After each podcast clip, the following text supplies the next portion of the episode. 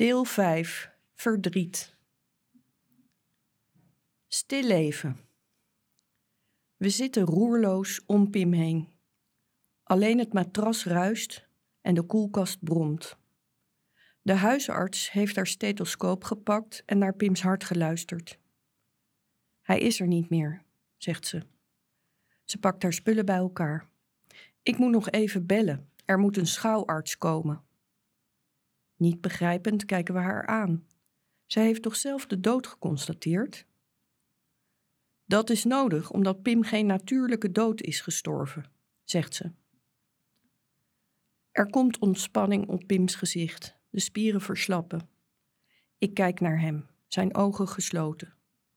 Nooit zal hij me meer aankijken, met zijn mooie grote ogen, met zijn open blik, zijn trouwe oogopslag of met vuurspugende ogen. Ik aai Pim door zijn haar, nog eens en nog eens. Mijn andere hand ligt nog steeds op zijn schouder. Zijn lichaam ligt stil op bed. Langzaam komen we in beweging.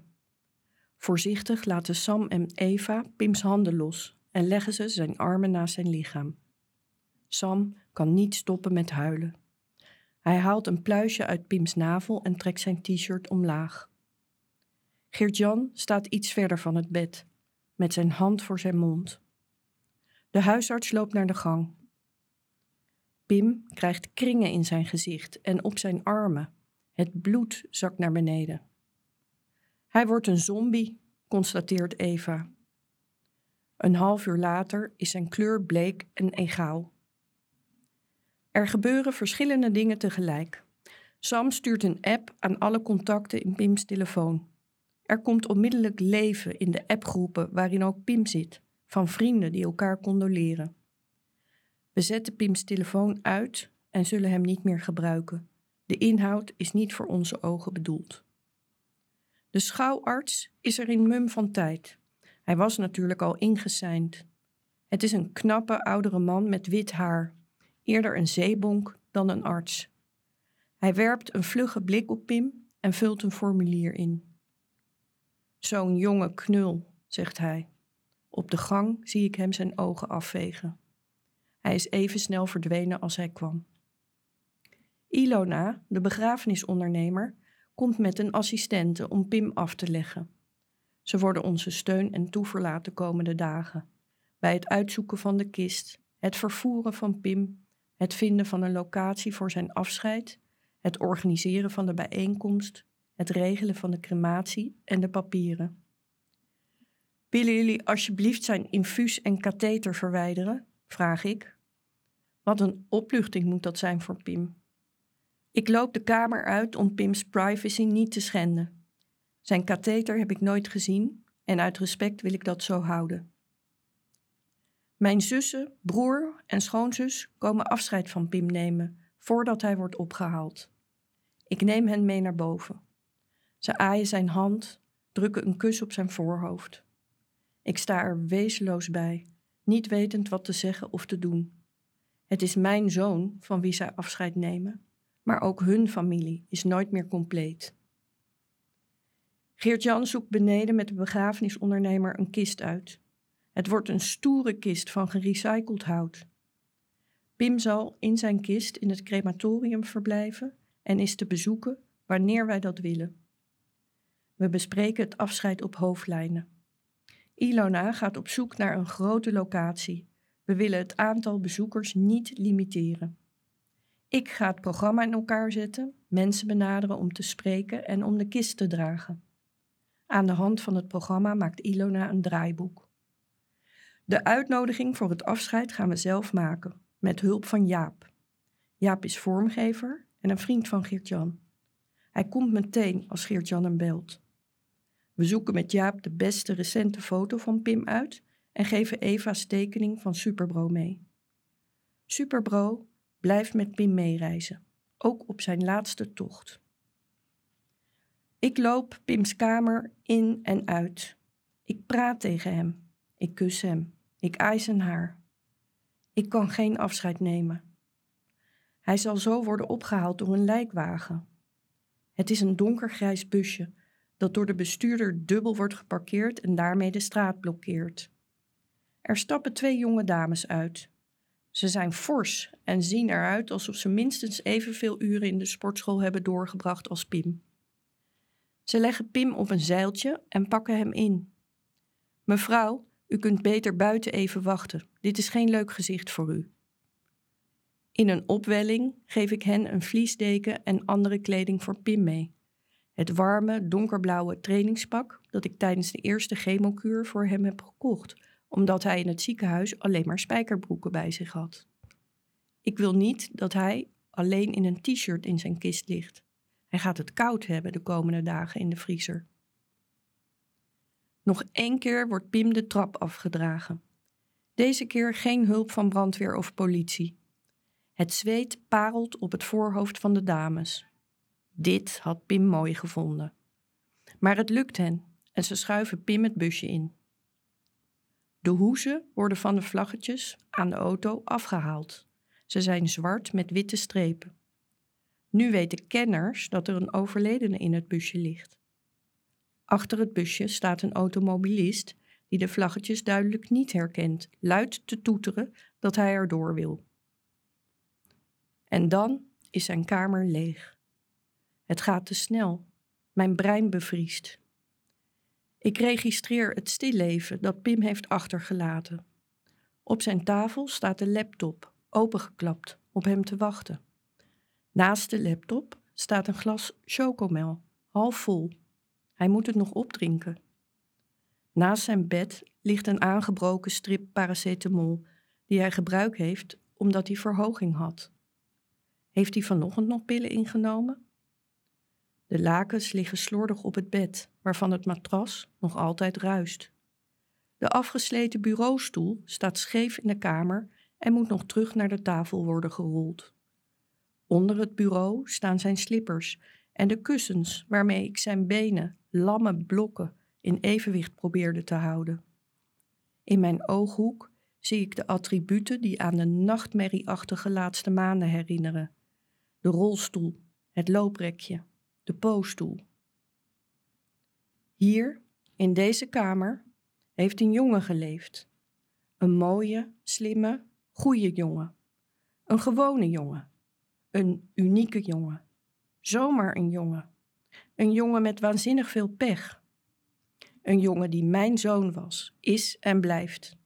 Een jongen op wie ik oneindig trots ben en van wie ik ongelooflijk veel houd, nu en voor altijd. Brain freeze. Mijn brein is nog steeds bevroren. Ik sta achter het gasfornuis. De eerste avond zonder Pim hebben we in Geert-Jans huis pizza gegeten met mijn familie. Mijn broer en mijn nicht hebben de pizza's gehaald, wachtend in de pizzeria terwijl de tranen over hun wangen liepen. De tweede dag, in de hectiek van het geregel, heeft Geert-Jan voor ons gekookt. Zijn huis blijft het episch centrum, ook al is Pim er niet meer. We verzamelen daar, we overleggen, we ontvangen gasten. We lopen tussendoor naar boven en huilen op Pims lege kamer. Nu is het zaterdag en ik wil even in mijn eigen huis zijn. Ik wil zelf iets te eten maken. Ik ben in de winkel geweest en heb daar als een zombie rondgelopen. Ik zag een vader van Eva's hockeyteam die het nieuws al moet hebben gehoord. Hij schrok zichtbaar toen hij me zag, stamelde iets van: Ik zal even niets vragen, en liep gauw weer door. Ik weet niet meer wat ik heb gekocht. Ik weet nog wel dat ik op de winkelwagen fijn kon leunen. Ik heb smoothies en sapjes voor Pim gepakt. Ik heb ze moeten terugzetten in het schap. Ik ga voor pasta. Dat moet toch te doen zijn. Maar ik weet niet meer wat ik moet doen. Ik sta achter het gasfornuis en ik denk na. Ik moet pannen pakken. Ik kan in ieder geval een pan met water opzetten. Misschien gaat het daarna vanzelf? Vanuit Geert-Jans huis is alles in gang gezet. Vrijdag is de uitnodiging voor Pims afscheid verstuurd. Die is echt prachtig geworden. Sam heeft zich gestort op het adressenbestand. Via via blijven de adressen komen. De bijeenkomst willen we helemaal PIM maken. Belangrijker dan medelijden of medeleven was het voor Pim om respect te krijgen. Ik heb me voorgenomen om er alles aan te doen het laatste respect voor hem te verdienen. We bedenken wat we willen zeggen en wie we nog meer willen vragen om te spreken.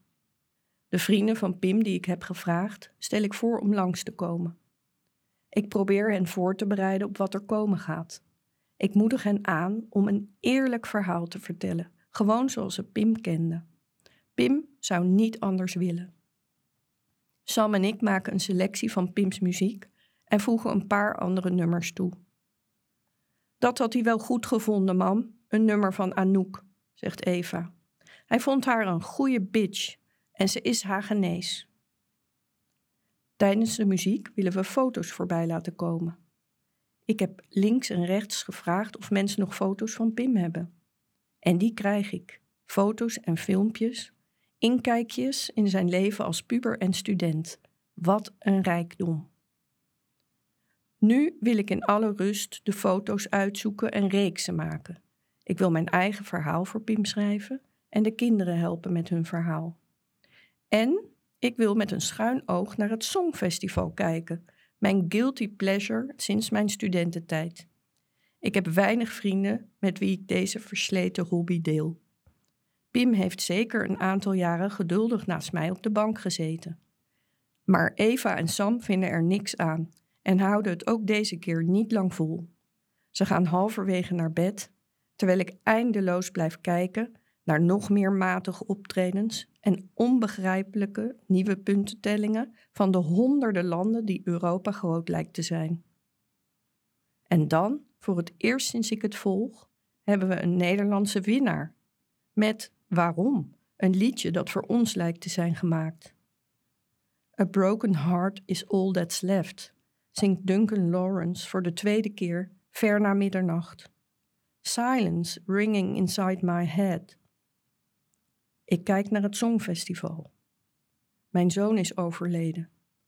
Ik staar naar de tv en heb een brain freeze. Honda. Alles is geregeld. Het programma staat. De muziek en de foto's zijn uitgezocht. Zes vrienden dragen Pim naar binnen. Broer en neven dragen Pim na afloop naar buiten. Mijn vriendin Paulien is ceremoniemeester. Paulien kan dat. En belangrijker nog, Paulien en Pim mochten elkaar graag. We zijn een paar keer samen op vakantie geweest. En Paulien kent Pim door en door, zijn goede en zijn slechte kanten. Als vanzelfsprekend neemt Paulien zelf contact op met de begrafenisondernemer, verdiept zij zich in het draaiboek en maakt zijn eigen welkomstwoord. Ze is stand-by voor het geval een van de sprekers niet uit zijn woorden komt. Het zal niet nodig zijn, gelukkig. Mijn zus S zal iets zeggen namens mijn familie. Ik weet dat het een mooi en echt verhaal zal zijn. Pim voelde zich een beetje het zwarte schaap van de familie. Intellectuele klassieke muziekfanaten die niets met sport hadden, zal mijn zus bij het afscheid zeggen. Maar hij was onverbiddelijk ook lid van de clan. S neemt in haar verhaal een citaat op van mijn moeder, die over Pim zei: Ik had altijd het gevoel dat de ooievaar een leeuwenjong had afgeleverd bij de schapen. De schapen hebben het leeuwenjong met liefde grootgebracht. Misschien was Pim wel meer een melling dan een van der Voet. Maar bij de Mellings was de familieband helaas niet hecht. Na de dood van zijn ouders heeft Geert-Jan lang geen contact gehad met zijn zus en bij tijd en wijle ook niet met zijn broer. Wat bij leven niet lukt, gebeurt wel bij de dood van Pim. Zus, broer, partners en bijna alle kinderen van de familie Melling komen naar het afscheid. Het contact zal blijven. Jesse, Den, Dorian en Stijn zijn de vrienden die iets gaan zeggen. Het is een mooi en compleet viertal. Ze belichten allemaal een andere kant van Pim. Stijn kent Pim het langst. De heren hebben als pubers samen aardig wat rotzooi getrapt. Stijn staat voor Pims onbezonnenheid, maar ook zijn directheid en kracht. Hij is minstens even vierkant als Pim. Soms is er even radiostilte, maar Pim en Stijn weten elkaar altijd weer blindelings te vinden. Dorian staat voor Pims intellect, de student die Pim had kunnen worden. Er waren plannen om samen in Amsterdam een woning te zoeken. Dorian woont daar inmiddels en leidt het leven dat ik Pim zo had gegund. Ook Dorians moeder, Renate, zal iets zeggen. Zij is de docent Nederlands die Pim door zijn eindexamen heeft gesleept. Pim mocht niet meer op school komen, maar door niemand was gezegd dat hij niet bij Renate thuis mocht komen. Het was warm die dag en blootvoets heeft hij van zijn docenten de fijne kneepjes van het begrijpend lezen geleerd. Den staat voor de sociale kant van Pim. De kant waaraan Pim zo hard heeft moeten werken. Den heeft Pim in sociaal opzicht regelmatig gecoacht. Met Den heeft Pim bovendien een hele groep jongens leren kennen bij wie hij zich thuis voelt. Jesse, tenslotte, staat voor Pims huiselijkheid en zijn rust. Ze delen de liefde voor het voetbal en het gamen. Een gameconsole en een veldje in de buurt zijn voor hen genoeg. Jesse is voor Pim als een grote broer. Sam en Eva zullen naast elkaar staan, maar ieder apart wat zeggen. Ze schrijven hun verhalen zelf en oefenen hardop, zodat ze weten welke passages beladen zijn. Mijn moeilijkste spreekbeurt, zegt Eva. Het worden prachtige, eigen verhalen met rake typeringen. Geert-Jan zal aan het eind van de bijeenkomst spreken. De man die als geen ander schrijven kan, heeft het er lastig mee. Hij gebruikt een omgevallen boekenkast van documentatie die hij heeft over Pim. Van school, jeugdzorg, psycholoog, jeugdpsychiater en ziekenhuis. Het verhaal wil maar niet vlotten. Schrijf nou gewoon dat je van hem houdt, zegt Sam tegen zijn vader. Dat helpt. Ik heb op me genomen om als eerste te spreken en stil te staan bij het afgelopen jaar. Er zullen veel mensen zijn die Pim's ziekte niet van dichtbij hebben meegemaakt. En er zijn ongetwijfeld vragen over zijn zelfgekozen einde. Het is een kutverhaal dat over kanker gaat, maar het is ook een schets van hoe karaktervol Pim met die klote zooi is omgegaan. Ik wil uitleg geven en begrip creëren, maar bovenal hoop ik het respect op te roepen dat zo belangrijk was voor Pim.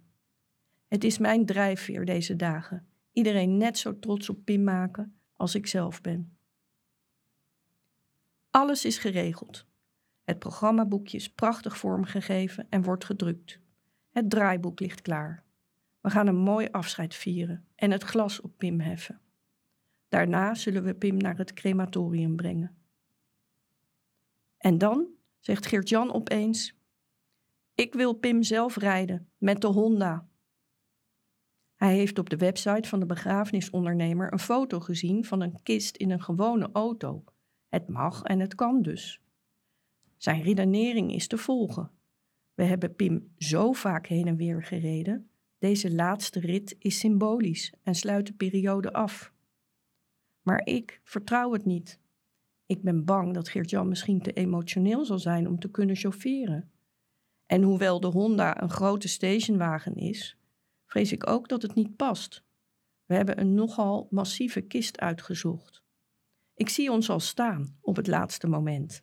En dan blijkt dat de achterklep niet dicht kan. Maar Geert-Jan wil van geen wijken weten. Hij moet en zal Pim zelf brengen. Uiteindelijk stelt de begrafenisondernemer voor dat Geert-Jan het van tevoren gaat uitproberen. Geert-Jan probeert het met een vergelijkbare, uiteraard lege, kist en die past net in de auto, met de achterbank ingeklapt en de bijrijdersstoel zo ver mogelijk naar voren geschoven. Maar het is niet precies dezelfde kist als die van Pim. Ik krijg er de zenuwen van. Een dag voor de bijeenkomst belt de begrafenisondernemer mij op. Ze heeft mijn ongemak gesignaleerd. Ik wou je even geruststellen. Er staat morgen een begrafenisauto met chauffeur klaar als dat nodig is. Geert-Jan heeft het niet geweten en hoeft het niet te weten, want de volgende dag wordt de kist geruisloos de Honda ingeschoven. Het past precies. Virtuele vrienden. Tussen Pim en mijzelf zit een generatiekloof die gamen heet. Voor Pim is gamen een geliefde bezigheid. Als kind ontspant hij zich met zijn Gameboy. Daarna speelt hij stand-alone spellen via de Wii, veel smashen, samen met Sam op de bank, terwijl Eva zich er tussenin nestelt. En tenslotte komt de derde fase van serious gaming via de PlayStation en de computer. Gamen wordt voor Pim nog leuker via internet. Op 12-jarige leeftijd zit hij al met zijn koptelefoon op te converseren met andere gamers over de hele wereld in vloeiend Engels. Ik heb het gamen vaak verfoeid. Ik zag het vooral als een asociale activiteit die naar mijn mening in de plaats komt van heel veel andere manieren om vrije tijd te besteden. Tijdens het gamen zit Pim op zijn kamer, meestal alleen, soms met vrienden. De ene keer ontspannen, de andere keer verbeten, af en toe woedend. In drift smijt hij zijn controller door de kamer of gooit hij een schoolboek naar het beeldscherm. Hij komt soms niet op tijd aan tafel of gaat niet op tijd naar bed. Dat begrijp ik toch wel. Hij zit midden in een game die hij niet kan saven. Ik begrijp het niet. We krijgen ruzie door het gamen. Ik begin het als een verslaving te zien. Vakanties zonder gamen zijn voor Pim een beproeving. Wang aan wang zit hij met zijn kleine zusje gebogen over haar Gameboy en geeft aanwijzingen om haar Pokémons nog sterker te maken. Het gamen blijft, ook als Pim ouder wordt. Hij studeert, hij sport, hij zorgt voor zichzelf, maar altijd is er ook ruimte om te gamen. Er zijn real-life vrienden, zoals Jesse, met wie hij de liefde voor het gamen deelt. Maar Pim heeft ook vrienden in de virtuele wereld, waar hij veel tijd mee doorbrengt, ook al is het niet fysiek. Ik heb me nooit echt in het gamen verdiept, tot Pim in het ziekenhuis ligt. Ik ga voor hem op zoek naar games in gameshops. Ik bestel de nieuwe versies van Call of Duty en Assassin's Creed, zodat hij die kan spelen op de PlayStation 4, het cadeau van zijn vrienden. Ik kijk mee met de prachtig gemaakte, intelligente spellen waar de vingervlugge Pim doorheen danst, of waar hij keer op keer over dezelfde hindernis struikelt. Ik hoor de conversaties van zijn digitale medespelers, vrienden die hem steunen in het spel of vijanden die hem in het nauw drijven. Ik ben blij met iedere minuut afleiding die het gamen hem brengt. Gamen voert hem weg uit de ziekenhuiswereld en doet hem de tijd even vergeten. In het ziekenhuis wordt de generatiekloof langzaam kleiner. Hij is aan het gamen, ebt Geert-Jan vanuit het ziekenhuis in de periode dat Pim stamceltransplantatie krijgt. Godzijdank, heb ik terug. De echte en de virtuele wereld lopen door elkaar op het moment dat Captain Pim zich aandient. Pedro il Capitan, een vriend uit het spel RuneScape, heeft zich omgedoopt tot Captain Pim. Hij weet van Pim's ziekte. Als Pim's einde nadert, zet hij via internetplatform Reddit een campagne op om Pim te steunen. Hij sluit zijn bericht af met: Pim will die, but he will die knowing we all stood with him as a community, as a family. Er komen tientallen reacties binnen op zijn oproep. Pedro geeft de berichten door aan Pim.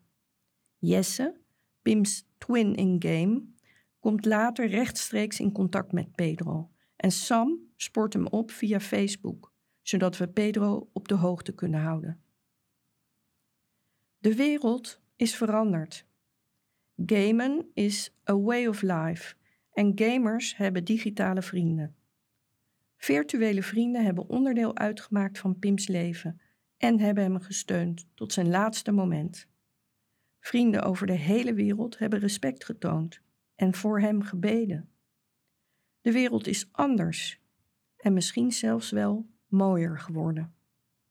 Ik ben diep ontroerd als ik zie dat Captain Pim later nog een bericht op Reddit heeft geplaatst. My buddy passed away yesterday at 2:15 p.m. and words can't quite explain what I feel when I think I won't be able to play with him ever again. Enjoy the time you have because you never know when something like this could become knocking at your door. I say thank you in my name and in Pim's name as well. May you always remember that you helped someone in need of kindness in the hardest moment of his life. Stadion. Het afscheid vindt plaats op woensdag 22 mei 2019 in het voetbalstadion van ADO Den Haag. Eva is met het idee gekomen. Ze hebben daar toch een mooie zaal? Zij is daar eerder geweest, samen met mij, bij een indrukwekkende bijeenkomst van de John Blankenstein Foundation over homofobie in het voetbal. Ik nam en neem Eva nooit mee naar bijeenkomsten van mijn werk, maar in dit geval maakte ik een uitzondering. Ik wilde Eva graag voorstellen aan Karin, de bevlogen zus van John, die na zijn dood de foundation heeft opgericht. Ik kende John van mijn werk. We zijn samen op pad geweest. John als ambassadeur om fair play te prediken in de sport en ik als zijn begeleider.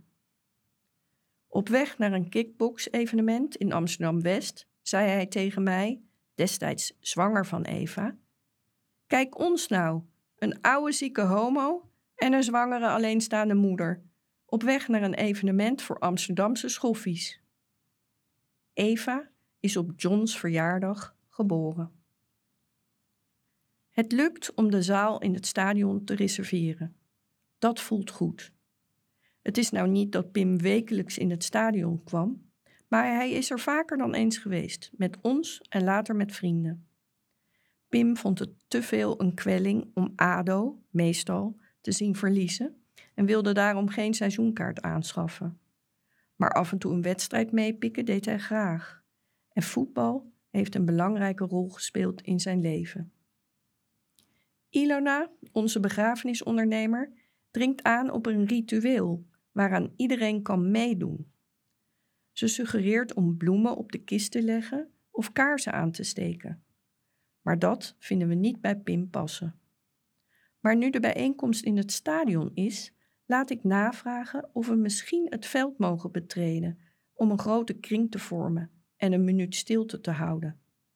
En dat mag. Het wordt het laatste, adembenemend mooie moment van Pims afscheidsbijeenkomst.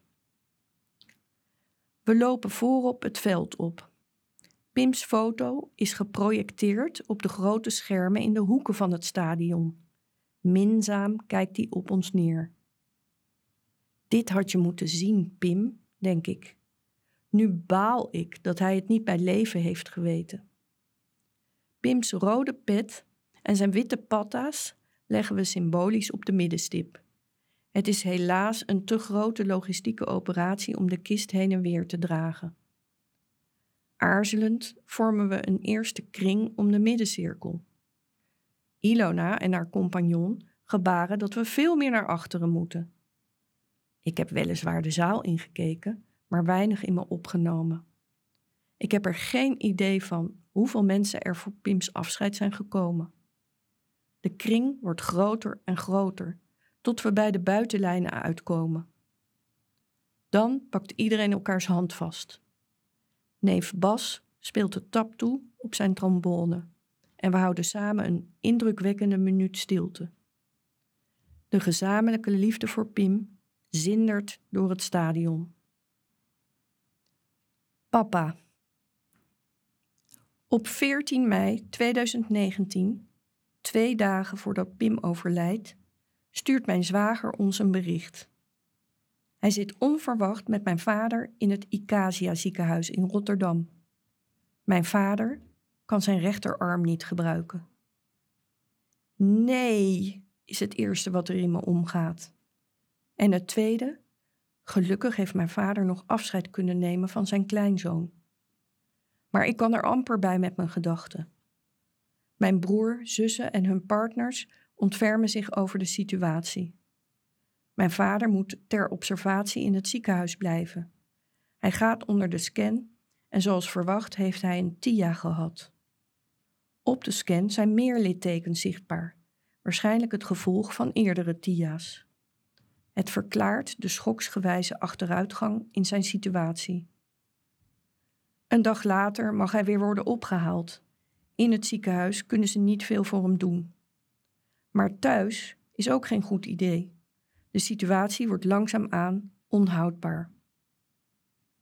Ik ben tussen de behandelingen van Pim door zo vaak mogelijk bij mijn ouders langs geweest, maar een rol van betekenis heb ik het afgelopen jaar niet kunnen spelen. Ik heb niet steeds geregistreerd wat er gaande was. Mijn ouders zijn oud, maar hebben in mijn beleving het eeuwige leven. En al zijn inmiddels de rollen omgedraaid, wij zorgen voor hen in plaats van andersom, toch zijn ze een zekerheid in mijn bestaan. Ze zijn er gewoon. Ze zijn er altijd geweest. Ik heb het druk. We moeten alles voor het afscheid van Pim regelen. Maar ik ben het aan mijn ouders verplicht om bij hen langs te gaan. Op zondag 19 mei rijd ik met mijn broer mee naar Rotterdam. Mijn moeder sluit me in haar armen. Ze is emotioneel, ze is moe, ze is op. En dan zie ik mijn vader, in zijn kamerjas zittend aan de tafel. Hij heeft zijn hoofd in zijn handen, in een poging om zijn hoofdpijn te bezweren. Hij zit daar, zo breekbaar en oud, en toch zo mijn papa. Ik loop naar hem toe en geef hem een kus. Dan kijkt hij op, beweegt langzaam zijn goede arm omhoog en aait mij over mijn hoofd. Het is een troostend gebaar van een vader voor zijn kind. Het is een oerinstinct dat iedere Tia overleeft. Mijn vader is niet in staat zich zonder hulp van zijn stoel te verheffen. Hij moet worden gevoerd en kan alleen nog met een rietje drinken. Met een rollator kan hij een paar aarzelende passen zetten. Maar hij zorgt ervoor dat hij bij het afscheid van zijn kleinzoon kan zijn. Hij zit op de voorste rij en houdt de hand van mijn moeder vast. Af en toe dommelt hij weg. Bovenaan de tribune in het stadion kijkt hij trots naar het veld, waarop familieleden en vrienden een grote kring vormen voor Pim. Mijn vader gaat met rassenschreden achteruit. Mijn moeder kan de mantelzorg niet bolwerken en is zelf erg wankel. Mijn ouders verhuizen in de zomer van 2019 samen naar een zorginstelling in Den Haag. Ik zit naast mijn vader als hij in de ambulance wordt vervoerd. Van zijn mooie grote huis in Rotterdam met het uitzicht op de Maas naar de benauwde kamer in het Haagse verpleeghuis. We hebben heel even de hoop dat mijn vader daar gaat revalideren. In plaats daarvan houdt hij na een paar weken op met eten en drinken. Mijn vader heeft altijd de regie in handen, ook in de laatste fase van zijn leven, en zijn wil is ijzersterk, net als die van mijn zoon. En zelfs op zijn laatste dag, als hij uitgeput op bed ligt en het niet lang meer zal duren, reikt mijn vaders hand troostend naar mijn hoofd. Sportschool. Ik treed binnen in het glazen paleis dat het domein is van mijn zoon. Hier heeft hij vele uren gesleten. Hier heeft hij zijn spieren getraind. Hier heeft hij zijn formidabele torso opgebouwd. In deze sportschool heeft hij ook ontzettend veel plezier gehad. Ik hoorde stemmen van Pim en Stijn in mijn hoofd als ze samen op Stijns scooter vrolijk van de sportschool terugkomen. Pim zit achterop. Na het debakel met zijn Tomos waagt hij er zich niet meer aan. Pim stapt af, de motor van Stijns scooter pruttelt, de heren praten en lachen. En dat moet boven het geluid van de motor uitkomen. Na een half uur pruttelt de motor nog steeds. Het is door de weeks en inmiddels ver na elf uur s avonds. Hun stemmen schallen door de straat. Ja, klopt, zegt Stijn als ik er later naar vraag. Ik dacht altijd dat ik gelijk naar huis zou doorrijden, maar dan was er nog even iets. De sportschool wordt voor Pim een deel van zijn leven. eerst naast voetbal en later in plaats van voetbal. In de aanloop naar de zomer van 2017 gaat hij droog trainen. Hij volgt een strak dieet, veel rijst, kipfilet en broccoli en gaat elke dag naar de sportschool. Pim is van nature goed gebouwd, maar nu wordt hij kast. Hij is er behoorlijk trots op. Helaas is het droog trainen niet erg rendabel. De omstandigheden werken niet mee. Er volgt een slechte zomer met weinig stranddagen. De vrouwen blijken zich niet vanzelf aan zijn gespierde borst te vleien. Kijk nou wat het ons heeft gebracht, voetert Stijn achteraf. Helemaal niets. Maar dat is niet helemaal waar. Het vele trainen heeft er in ieder geval voor gezorgd dat Pim het behandeltraject van zijn ziekte fit is ingegaan. Het abonnement op de sportschool is een terugkerend verjaardagscadeau. Het abonnement staat op Pims naam, maar het bedrag wordt automatisch van mijn bankrekening afgeschreven. Ik heb het steeds weer te laat in de gaten en we zijn te laks om het op zijn bankrekening over te zetten. Daarvoor moeten we samen naar de sportschool.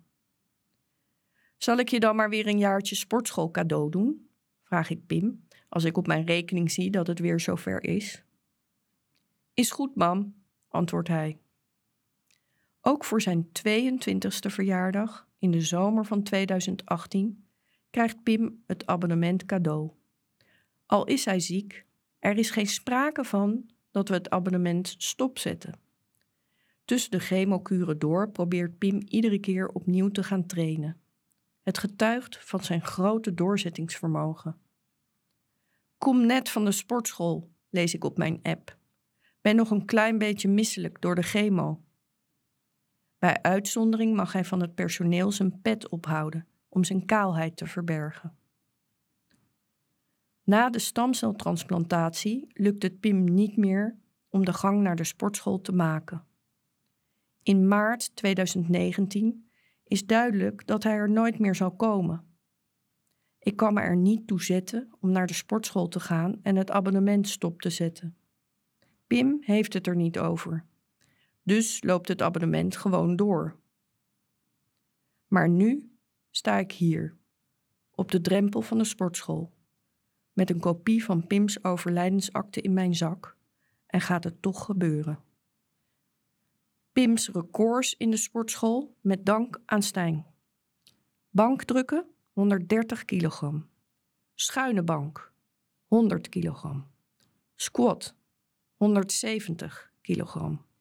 Deadlift 200 kilogram.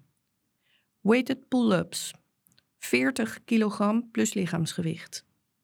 Schuine bank halters 42 kilogram per stuk. Platte bank halters 48 kilogram per stuk. Bent over row 100 kilogram. Decline leg press 400 kilogram. Goeie gozers. Gelijk na de afscheidsbijeenkomst krijg ik een appje van Den. Of we het leuk vinden als hij en een paar vrienden binnenkort komen eten en herinneringen ophalen. Wij koken, eindigt zijn bericht. Heel erg leuk, heb ik terug. Ik realiseerde me vandaag dat we behalve Pim ook jullie gaan missen. Op 7 juni komen ze langs bij Geertjan thuis. Den, Dorian, Jesse en ook Stan, Juri, Bas, André en Vincent. Stijn, Onno, Victor en Richard kunnen er helaas niet bij zijn, maar in wisselende samenstelling zullen er nog meer ontmoetingen volgen. Bas kookt en nog lekker ook. Er gaat veel bier en wijn doorheen. We warmen ons aan de mooie verhalen die over Pim worden verteld. Het is fijn om de jongens om ons heen te hebben. In hun nabijheid is een deel van Pim bij ons. En volgens mij is dat voor hen andersom ook zo. De jongens vertellen hoe moeilijk ze het hebben met Pim's ziekte en overlijden. Ik heb mijn stagebegeleider ingelicht, zegt de een. Gelukkig deed het niet moeilijk als ik wat eerder naar huis ging. Ik mijn studiebegeleider, zegt de ander. Ik kreeg dat tentamen niet in mijn hoofd. Maar dan zit ik boven mijn boeken en dan denk ik, wat had Pim nu graag zitten studeren. Ik heb op 16 mei vrijgenomen, zegt de derde. Mijn vader is bij me gekomen om samen te zijn op het uur dat Pim zou overlijden. Het dringt voor het eerst werkelijk tot me door dat Pim niet alleen van ons, maar ook van anderen was. En dat ons verdriet niet exclusief is. Voor deze jongens heeft de dood van hun vriend, een nogal aanwezige vriend, leid ik uit de verhalen af, die bovendien hun generatiegenoot is, ook een grote impact. Hun jeugd, hun brani, hun onoverwinnelijkheid is voor altijd aangetast. Mogen we de foto's nog eens zien? vragen de jongens. Ik pak mijn laptop en laat de vier reeksen van de foto's zien die we op Pim's afscheidsbijeenkomst hebben vertoond. Ik vertel iets bij de foto's uit Pim's jeugd. En de jongens vertellen iets bij de foto's die zij hebben aangeleverd van de volwassen Pim. Eén serie foto's gaat over het jaar dat Pim ziek was. Het eindigt met een close-up van Pim uit de foto die ik op moederdag heb gemaakt van mijn drie kinderen. Het is de foto waarop Pim zichtbaar ziek is en al lijkt weg te zweven. Mag die foto alsjeblieft weg? vraagt een van Pims vrienden terwijl hij zijn hoofd afwendt. Het is even stil aan tafel. We kijken ook naar de filmpjes die ik van de jongens heb ontvangen. Ze zijn typisch Pim en vaak hilarisch. Pim die heel veel kilo's tilt in de sportschool en na afloop cool in de camera kijkt. Pim die met een bakkie te veel op aan het dansen is. Pim die lekker aan het eten is en nog meer aan het eten. Is het lekker, Pim? Pim grijnzend. Peace. Jesse heeft een filmpje gestuurd met als titel Jesse en Pim koken. De titel verbaast me al, maar bij nadere beschouwing blijkt vooral Jesse te koken en Pim hoofdzakelijk in de weg te staan. In een ander filmpje probeert de cameravrouw mensen aan te zetten tot een move. De meeste slachtoffers werken hieraan gewillig mee. Het duurt even voordat Pim is gevonden op het filmpje. Zijn bovenlichaam ligt dwars op de bank, half verscholen achter zijn buurman. En hij zit op zijn telefoon te doen alsof hij er niet bij hoort. De cameravrouw laat hem, heel verstandig, met rust. Mijn lievelingsfilmpje is het filmpje van een 19-jarige Pim die zichzelf bij de lurven heeft gegrepen en zich uit de neerwaartse spiraal heeft getrokken. Pim, hoe ga jij 2016 in? vraagt iemand hem tijdens een oudejaarsfeestje. Pim werkt met zichtbare tegenzin aan het filmpje mee. Nou, gewoon hetzelfde met frisse moed, zegt Pim. Want hoe ben jij 2015 ingegaan? onderbreekt de interviewer hem. En hij brengt pesterig in herinnering in het ziekenhuis. Het jaar ervoor heeft Pim zich coma gezopen. Niet hetzelfde, ik neem mijn woorden terug, zegt Pim snel. Volgens mij heeft hij ook op dit filmpje wel iets gedronken. Maar kinderen en dronkenlappen spreken altijd de waarheid. En hij voegt toe: Iets rustiger, niet in een ziekenhuis, wat minder zuipen. En nauwelijks hoorbaar, sympathieker zijn. Ik kijk de kring rond van de goede gozers die bij ons aan tafel zitten, zijn vrienden. Pim heeft zichzelf een opdracht gegeven en is 100% geslaagd. Buitenkunst. Eva en ik gaan al een aantal jaren achter elkaar naar buitenkunst. Samen met Eva's vriendinnetje Mette, haar moeder Noor en verdere familie. Met Sam en Pim ben ik in een ver verleden ook geweest, maar het concept was niet aan hen besteed. Ze gingen zwemmen of deden kaartspelletjes in de tent. Maar Eva vindt het leuk. Meestal gaan we met Pinksteren naar buitenkunst in Drenthe. Pinksteren was voor mij nog te vroeg, te snel na Pims overlijden. Noor stelt voor om de eerste week van de zomervakantie te gaan. En hoewel ik een beetje bang ben om weer onder de mensen te komen, me soms geen raad weet met mijn verdriet, ga ik het toch proberen. Misschien is het wel helend. Buitenkunst is een simpel, mooi concept. Zet een aantal kunstenaars in een bos of in een weiland en laat hen workshops geven aan een stel liefhebbende amateurs. Kunstenaars en amateurs kamperen in de natuur en op een enkele spaarzame douche na is er geen enkele faciliteit. De receptie is de enige plek waar je je telefoon kunt opladen en daar worden tientallen telefoons tegelijk onbeheerd achtergelaten. Er is er nog nooit één gestolen.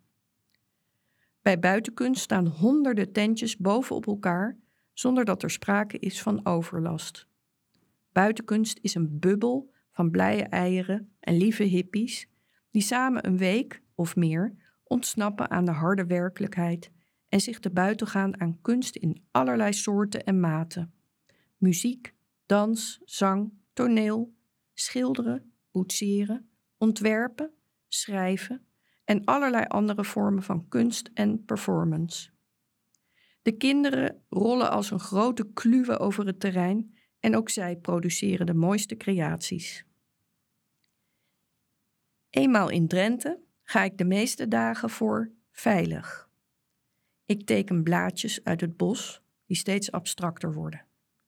Ik schrijf teksten en liederen over een ver eiland die later door een andere groep op muziek worden gezet. Ik zing mee in een muziek-theaterproductie gemaakt naar aanleiding van het nummer Jolene van Dolly Parton. Op Pim's verjaardag, 23 juli, knijpen Eva en ik er een dagje tussenuit. We ontmoeten Geert-Jan en Sam in Zwolle om samen te eten en een toast op Pim uit te brengen. De volgende dag haal ik diep adem. Nu wil ik het wel proberen. Ik zoek een workshop waarbij ik bewust met Pim bezig kan zijn. En ik tref het. Er is een singer-songwriter workshop met het thema familie. We zijn met een kleine groep, verzamelen een aantal muziekinstrumenten en trekken ons terug in het bos. De begeleidster van de workshop is een jong, lief en beetje naïef meisje met een mooie stem en een blonde paardenstaart. Ik wil graag dat jullie een song schrijven voor een van je familieleden, instrueert ze ons groepje. Jullie maken zowel tekst als muziek. En als klap op de vuurpijl. Aan het eind van de dag voeren we de songs voor elkaar uit en misschien wel s'avonds op een podium. Ik bemachtig een keyboard en trek me terug onder een dennenboom. Het is 38 graden in de schaduw, de heetste dag van de zomer. Er worden die week hitterecords gebroken in Nederland. Natuurlijk ga ik iets voor Pim schrijven. Ik puzzel op de tekst, probeer akkoorden uit, zoek naar een terugkerend thema en refrein. De workshopleidster maakt een rondje langs de deelnemers en helpt iedereen op weg. Ze komt ook naast mij staan. Voor wie schrijf je? vraagt ze. Ik schrijf voor mijn zoon. Hij is onlangs overleden, antwoord ik brusk. Haar gezicht betrekt. Weet je het zeker? Kun je niet beter iets schrijven voor iemand uit je familie die nog in leven is? Heb je niet nog meer kinderen? Ik kijk haar weg. Naarmate de dag vordert, blijk ik niet de enige te zijn die een zwaar thema heeft gekozen. De een schrijft een lied voor een vader die ze nauwelijks meer ziet. De ander voor een broer die zwaar drugsverslaafd is. De derde voor een moeder die niet meer leeft. We produceren geen hoogstaand werk. Tekst en muziek kloppen matig en de uitvoering aan het eind van de dag is abominabel.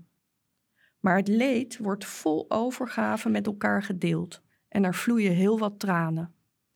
Het moet een hartverscheurend tafereel zijn geweest voor een willekeurige voorbijganger. En als co-counseling van lotgenoten is de workshop uitermate geslaagd. De workshopbegeleidster zit er versteend bij en onthoudt zich verder van commentaar. Haar blonde paardenstaart is gaande de dag afgezakt en hangt er treurig bij. Ze besluit dat onze groep niet gaat optreden op het podium s'avonds.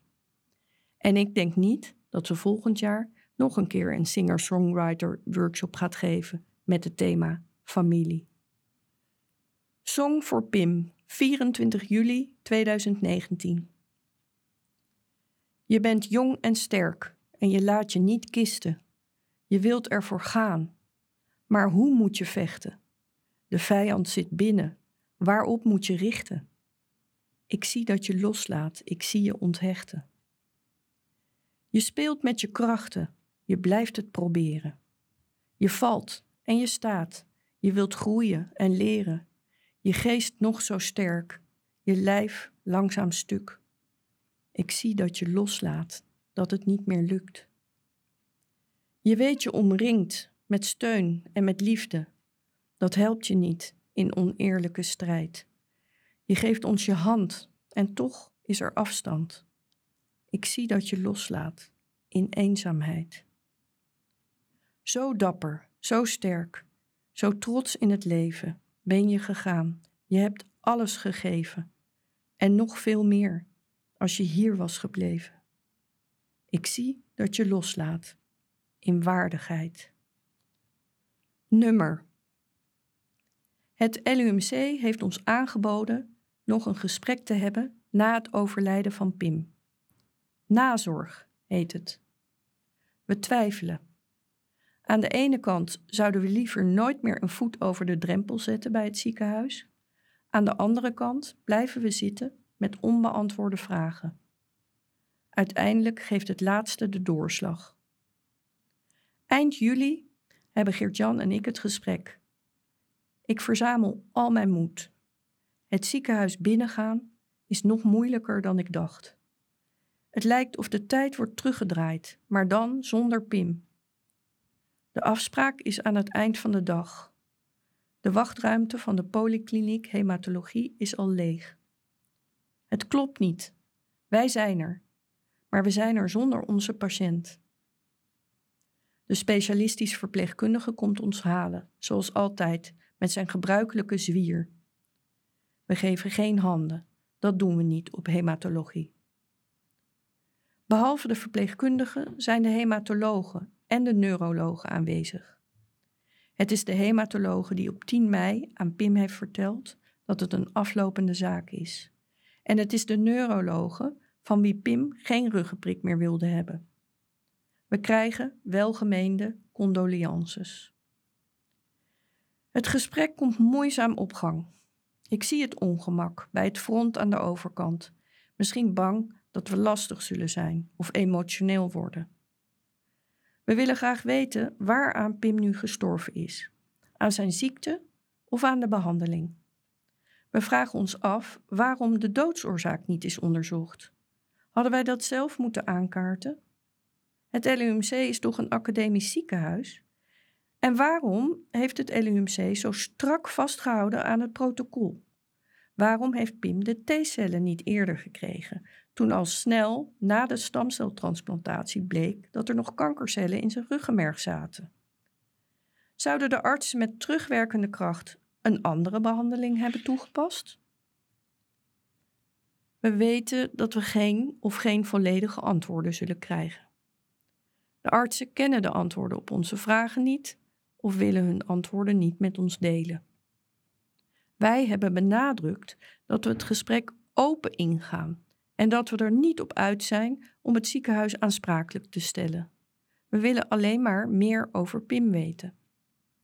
Maar aan de overkant zie ik geen open vizier. De ziekenhuiscultuur wordt te veel gedomineerd door de angst voor schadeclaims en klachten worden zoveel mogelijk afgehandeld achter de schermen. Misschien zijn er achter de schermen wel felle discussies gevoerd. Wij zullen het niet weten. We begrijpen u volkomen, misschien heeft u hier wel een punt, we hadden het anders kunnen doen of sorry horen niet thuis in het jargon van artsen. En terwijl we vruchteloos met de, overigens best aardige, artsen en verpleegkundigen praten, besef ik dat het voor het ziekenhuis in wezen niet om Pim ging. Vanuit het ziekenhuis bezien was Pim vooral object van academisch onderzoek, een casus in de experimentele methode die wordt ontwikkeld voor de behandeling van zijn ziekte. Het protocol is leidend, niet de patiënt. Maatwerk is niet mogelijk. Pas bij voldoende patiëntgegevens, als die statistisch zijn verwerkt, wordt het protocol wellicht weer aangepast. Voor het LUMC is Pim een van de vele patiënten die de statistieken verder vullen. En daarom hebben we geen echt gesprek. In het academisch onderzoek is Pim slechts een nummer. En voor ons is en blijft Pim nummer 1. Madeira. Mijn vader is ziek, maar heeft beloofd dat hij op me wacht. Ik durf één week vakantie te boeken. Wandelen op Madeira, samen met Eva. Last minute wil Sam ook mee. Het lukt om bij te boeken, mits we de kamer in het hotel willen delen. Tot mijn verbazing vinden Eva en Sam het geen probleem. Er staan drie bedden naast elkaar op een halve meter afstand. Ik hoor mijn kinderen s'nachts ademen. Mam, huil je? vraagt Sam beschuldigend als ik denk dat ik me goed onder de dekens heb verstopt. Het is het soort vakantie dat ik nog nooit heb geboekt. Een vliegreis en een hotel met een zwembad, een overdadig ontbijtbuffet, cocktails en mocktails op het terras en uitzicht op de eindeloos blauwe zee. Het grootste genoegen is het busje dat ochtends domweg komt voorrijden en ons dan naar boven rijdt voor een prachtige wandeling onder begeleiding van een lokale gids. We wandelen uren langs de levada's, door de geurende eucalyptusbossen, zien onderweg de meest fantastische planten en struiken, lopen langs steile afgronden, watervallen en adembenemende uitzichten. We lopen en we lopen nog meer. Ook Eva loopt zonder morren. Ik wil hier wel wonen, zegt ze, als ze op een terras over de oceaan kijkt. Onder aanvoering van de altijd energieke Sam lopen we s'avonds ook nog een paar kilometer naar de stad om elke avond bij een ander restaurant te eten. Het is daar, zo ver weg van huis, dat ik Pim opeens heel dichtbij voel. Hij blijft ochtends lang liggen. Hij treuzelt bij het ontbijt, houdt de badkamer te lang bezet, maar springt uiteindelijk toch net op tijd het busje in. In het busje slaapt hij verder tot we op onze bestemming zijn. Hij vindt het fijn om met ons mee te wandelen. Hij kan weer lopen als de beste. Hij loopt voor en achter ons. Hij babbelt met de gids. Soms kan hij het niet laten om te plagen. Dan steekt hij een voetje uit, waardoor een van ons struikelt. Als hij moe is, zit hij op mijn schouder. S'avonds eet hij smakelijk met ons mee, grote stukken vis en vlees. In het Cristiano Ronaldo Museum in de stad kijkt hij ons aan vanaf de jeugdfoto's. Ik zie Pim Ronaldo. Op het rechterbovenbeen van Sam prijkt een tattoo van Superbro, waarvan af en toe een voetje tevoorschijn piept als Sam een korte broek aan heeft. Op het muurtje van de boulevard heeft hij een boodschap geschreven voor zijn broer. Focus, Sam, een eeuwig twistpunt tussen de broers die elkaar regelmatig van autisme, Sam Pim, respectievelijk ADHD, Pim Sam, betichten. En op onze laatste avond, als we aan een tafeltje op straat zitten, lopen er twee meisjes langs die met hun handen smiechten, een typisch Pim-gebaar. Precies op dat moment klinkt het nummer Jealous Guy uit de deur van het restaurant in de uitvoering van Mijn Brian Ferry. Wil Pim ons vertellen dat hij jaloers is omdat we daar met z'n drieën zitten en hij alleen ergens anders is? Pim hield van zijn leven, het leven voor zijn ziekte. Ik vraag aan Sam en Eva of de oude Pim was meegegaan naar Madeira. Ze betwijfelen het. Pim was niet zo'n fan van vakantie. Hij bleef net zo lief of misschien wel liever thuis. Maar eigenlijk denk ik dat Sam in de oude situatie ook niet was meegegaan. Die was dan nu ergens met vrienden aan het bier drinken. En natuurlijk had ik zelf in de oude situatie ook nooit een vakantie naar Madeira geboekt, met een vliegreis, een hotel met zwembad en een terras met cocktails en mocktails. Als we terugvliegen naar huis, vliegt ook Pim weer weg. Hematon. Begin augustus krijg ik een mail. Een dame van de stichting Hematon meldt dat er ter nagedachtenis van Pim meer dan 3000 euro aan donaties is binnengekomen. Hematon wil ons graag interviewen over het verhaal achter deze bijdrage. We overleggen en vinden het eigenlijk wel een mooie gedachte. Pim in een tijdschrift dat op de mat valt bij duizenden lotgenoten en hun familie.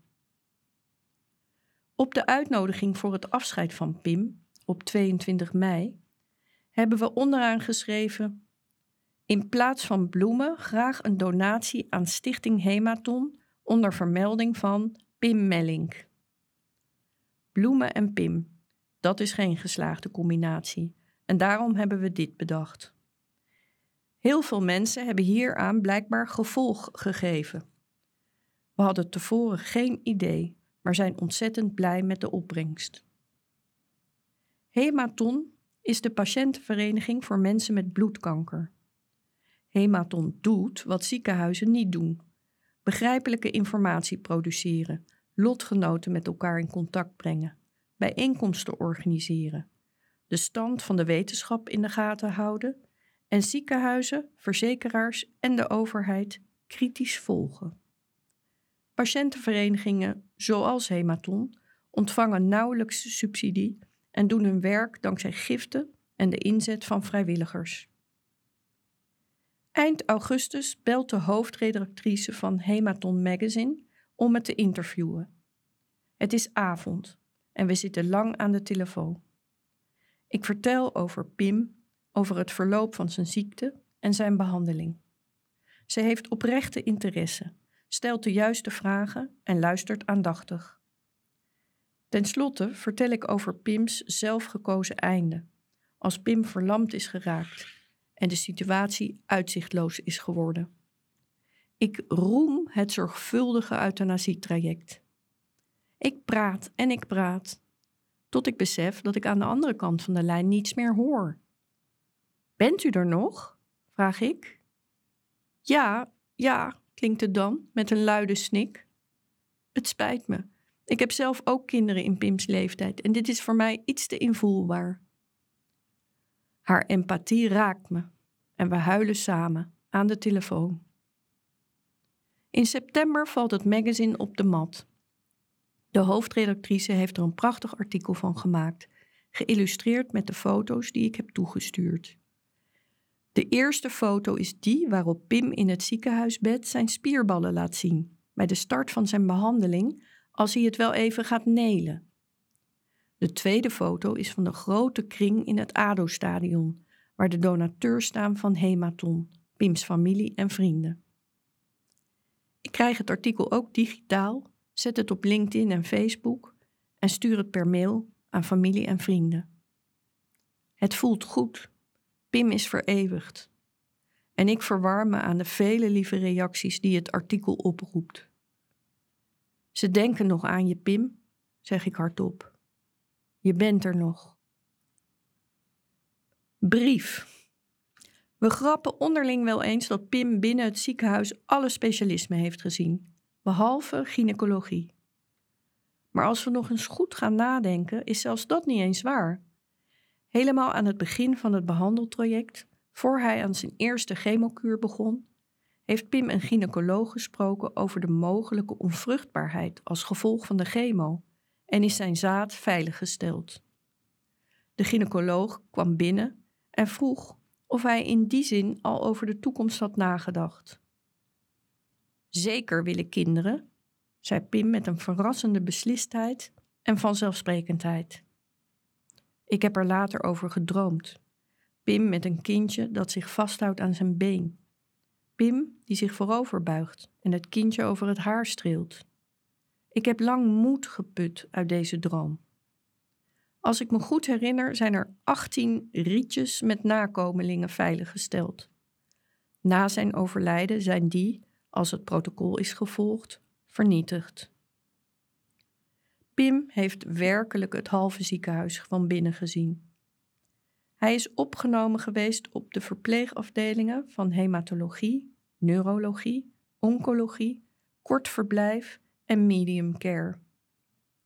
Hij is behandeld, begeleid, geholpen, gezien of doorgeleid door anesthesie, de apotheek, diëtetiek, fysiotherapie, gynaecologie, hartziekte, heelkunde, huidziekte, interne geneeskunde, KNO, keelneusoor, longziekte, maatschappelijk werk, MDL, maagdarmlever, psychiatrie, het pijncentrum, de SEH, spoedeisende hulp, radiologie, revalidatie en urologie. Onze ervaringen met de afdelingen zijn wisselend geweest, maar er is een duidelijke rode draad waar te nemen. Ik voel de behoefte, later zelfs de urgentie, om het ziekenhuis naar aanleiding van die ervaringen een brief te schrijven. In het nazorggesprek met de hematologen, neurologen en specialistisch verpleegkundigen kaarten we dat aan. We worden verwezen naar het patiëntenservicebureau. Half augustus stuur ik de brief met instemming van Geert-Jan. We doen het voor Pim, voor onszelf, maar vooral ook voor de andere patiënten en toekomstige pimmetjes. Ik kaart een aantal zaken aan. De gebrekkige coördinatie binnen het ziekenhuis, eiland hoppen zonder reisorganisatie, de kunstmatige scheiding tussen de polykliniek en de verpleegafdeling hematologie, waardoor Pim geen vaste hematoloog had, de tijdrovende verplichte intake via de spoedeisende hulp als zich tussendoor iets voordeed, de gebrekkige communicatie tussen het ziekenhuis en de diensten daarbuiten en de matige basale zorg, waardoor Pim steeds vies, vermagerd en vooral heel moe huiswaarts keerde. Ook kaart ik aan dat de menselijke maat in het LUMC ver te zoeken is en dat professionaliteit niet per se hoeft te betekenen dat personeel zich kil en afstandelijk opstelt. Dat het gaat om een jongen van 21, 22 jaar die liever Pim heet dan meneer Mellink. Ik suggereer een jongere afdeling te organiseren als vervolg op de kinderafdeling. Ik verwacht eigenlijk niet dat er iets met de brief gebeurt. Ik schat in dat het ziekenhuis log en bureaucratisch is. Voor de brief op het juiste bureau belandt, zijn ongetwijfeld weken verstreken. Groot is dan ook mijn verbazing dat we amper een paar dagen later, en nog wel op zondagavond, een eerste reactie krijgen van het hoofd medische zaken van het LUMC. In de reactie worden we bedankt voor onze brief en uitgenodigd voor een gesprek. Ik wil u bedanken voor deze brief, voor het feit dat u, ondanks uw verdriet, deze stap zet en ons de kans geeft aan de hand van de reis die Pim noodgedwongen door ons huis maakte, te leren van zijn en uw ervaringen. Ik lees er geen beschuldiging in, maar een vraag aan ons om eens goed in de spiegel te kijken. En dan zien we dat we nog veel te doen hebben. Eind augustus zijn Geert-Jan en ik opnieuw in het LUMC. We worden, voor het eerst, opgehaald bij de receptie en komen terecht in een overlegruimte in de back-office van het ziekenhuis. Het hoofd medische zaken, een vrouw van mijn leeftijd met kinderen in de leeftijd van Pim, heeft ruim tijd voor ons vrijgemaakt. Normaal gesproken krijgt het ziekenhuis wel eens een klacht of een compliment, zegt ze. Dat zijn momentopnames, foto's. Jullie brief biedt ons een film. Het hoofd medische zaken is zelf kinderarts. Kinderartsen leren om zich empathisch op te stellen en zijn gewend om behalve kinderen ook ouders en familie in het behandeltraject te betrekken. We vragen ons af waarom dat niet de norm is op alle afdelingen en voor alle artsen en waarom niet overal de patiënt centraal staat. Het gesprek helpt in zoverre dat we ons gehoord en gezien voelen. Onze brief is door het hoofd medische zaken heel serieus genomen. Maar of er verder nog iets gebeurt? Het duurt een tijd, maar eind november krijgen we nog een keer bericht. Het hoofd medische zaken is vanwege persoonlijke omstandigheden al een tijd afwezig. Ik hoop niet dat het betekent dat ze het bijltje erbij heeft neergegooid, moe gestreden in de stroop van het LUMC. Maar de managementassistente meldt ons dat onze brief is voorgelegd aan de afdelingen hematologie en oncologie en dat de inhoud van onze brief wordt gebruikt in colleges en bij de introductie van nieuwe artsen. Die ene brief van ons gaat het verschil niet maken, maar die ene arts die zich er iets van aantrekt, misschien wel. Brief aan het LUMC 14 augustus 2019. Geachte heer, mevrouw. Graag willen we met u een aantal van onze ervaringen delen bij de ziekte, behandeling en het overlijden van onze zoon Pim Mellink in het LUMC. Vooropgesteld, we doen dit met de beste intenties. We doen dit niet om iemand of iets verantwoordelijk te maken of aansprakelijk te stellen, maar in de hoop dat het LUMC overweegt het beleid op sommige punten te verbeteren. In het nazorggesprek bij de polyhematologie eind juli hebben wij besproken om deze brief te schrijven. Wij zijn geen medici en kunnen dan ook geen oordeel vellen over de medische behandeling en begeleiding die Pim heeft ontvangen. Artsen en verplegers maakten op ons in de regel een kundige indruk en hebben open gecommuniceerd, ook als zij zelf twijfels hadden. Het zijn meer de randzaken waarbij wij een aantal kanttekeningen willen plaatsen. De coördinatie en organisatie, de dagelijkse zorg en de menselijke maat binnen uw organisatie. Complexe behandeling. Onze zoon Pim is behandeld van maart 2018 tot mei 2019 vanwege een lymphoblastair T-cel lymfoom.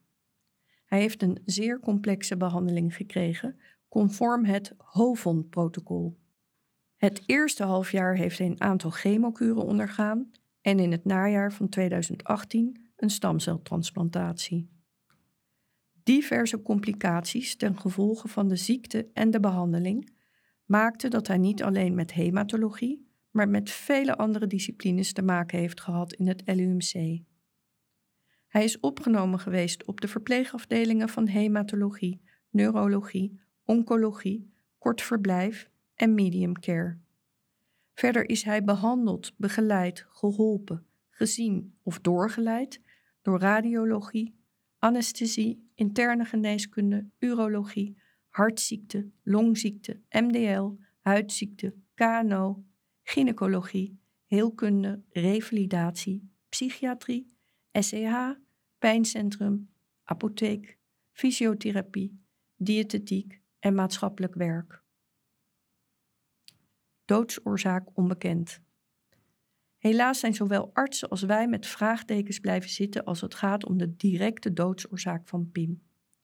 Een jaar na de eerste behandeling, een half jaar na de stamceltransplantatie, is myelopathie opgetreden in het ruggenmerg. Tot op het laatst is het voor de behandelende hematologen en neurologen niet duidelijk geweest of de myelopathie het gevolg is geweest van de ziekte, lymfomen, of de behandeling van de ziekte, chemoschade. Ook een second opinion van Erasmus UMC bood hierbij geen uitkomst. Wat ons achteraf heeft verbaasd, is dat ons niet is gevraagd Pim na zijn dood te laten onderzoeken, bijvoorbeeld door een biopt te nemen. Misschien hadden we er zelf alert op moeten zijn, maar van een academisch ziekenhuis hadden we eigenlijk meer nieuwsgierigheid verwacht. Eilandhoppen. Het LUMC bestaat uit eilanden waartussen de patiënten hoppen. In de periode dat Pim onder behandeling stond van de polyhematologie, is dit in de regel goed gecoördineerd, met dank aan de functie en de uitstekende uitvoering daarvan van de verpleegkundig specialist. In andere periodes kwam de organisatie van het eilandhoppen op onszelf aan.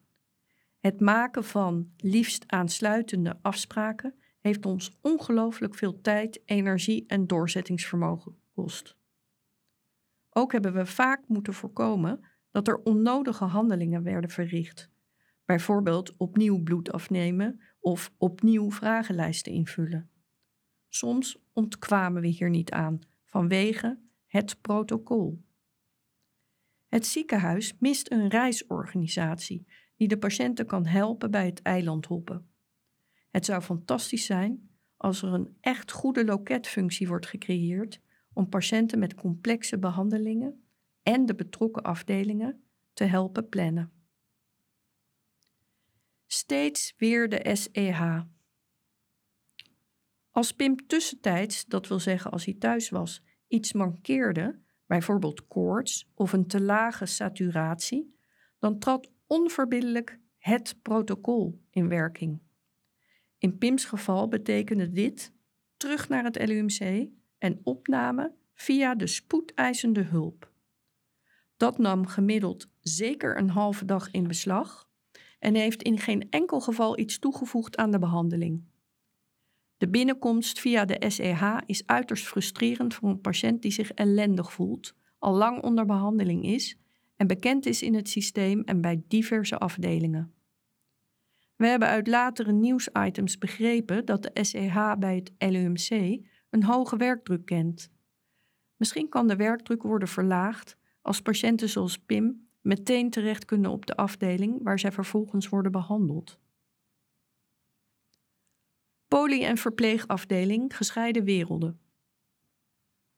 Pim heeft wisselend te maken gehad met de poly- en de verpleegafdeling hematologie. Ook dit lijken twee gescheiden werelden. Wij begrijpen eigenlijk niet waarom de behandelende hematoloog op de poli, die betrokken is bij de patiënt, het dossier kent en waarmee een vertrouwensband is opgebouwd, niet ook de behandelende arts van dezelfde patiënt is als deze op de verpleegafdeling ligt.